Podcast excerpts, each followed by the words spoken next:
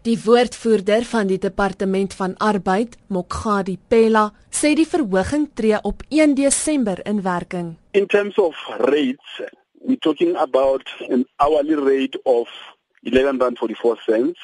That translates into a weekly rate of 514 rands and a monthly rate of 2,230.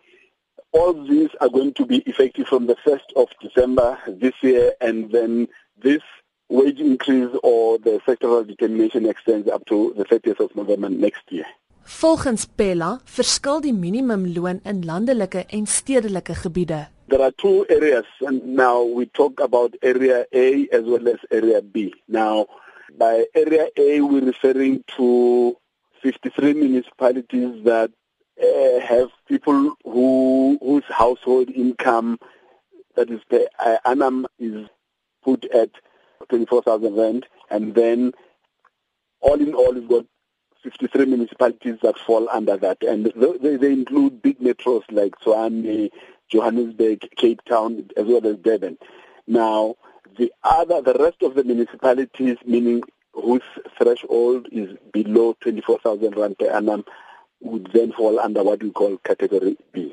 Pela doen 'n beroep op werkgewers om ag te slaan op die loonverhoging. Compliance is a good thing to do. It makes good business sense.